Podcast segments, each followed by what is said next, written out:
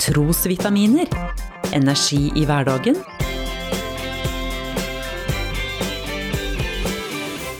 Ved Norea-pastor Svein Anton Hansen. Vi liker ikke tanken. Nei, så absolutt ikke. Vi skyver den foran oss. Hva jeg tenker på?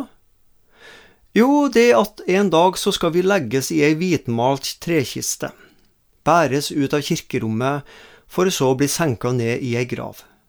Nei, huff, best å ikke ofre det her den minste tanke. Jeg har jo heldigvis ikke noe ansvar for det her, da. Det får jo være mine etterkommere som styrer med det. Men vi vet jo at dagen kommer. Den rykker nærmere for hver dag som går.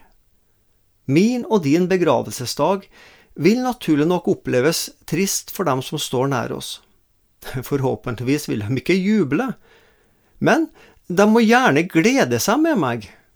For dagen jeg dør, starter ikke bare reisa mot graven.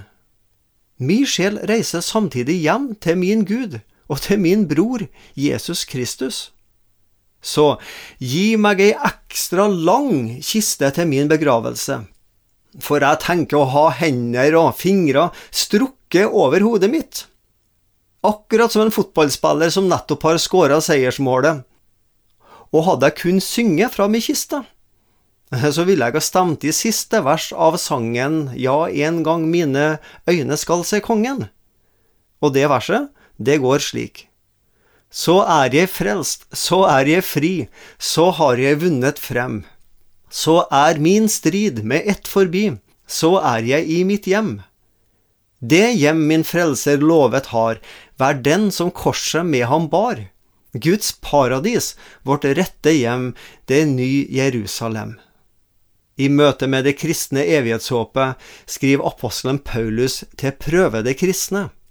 Og dere jubler og er fylt av en glede så herlig at den ikke kan rommes i ord, for dere når troens mål, frelse for deres sjeler. Vår døds- og begravelsesdag er derfor også vår frelsesdag og evige seiersdag. Så syng sanger med glede og jubel i min begravelse.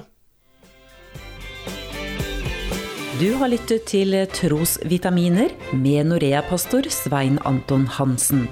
Du finner trosvitaminer på noreapastoren.no.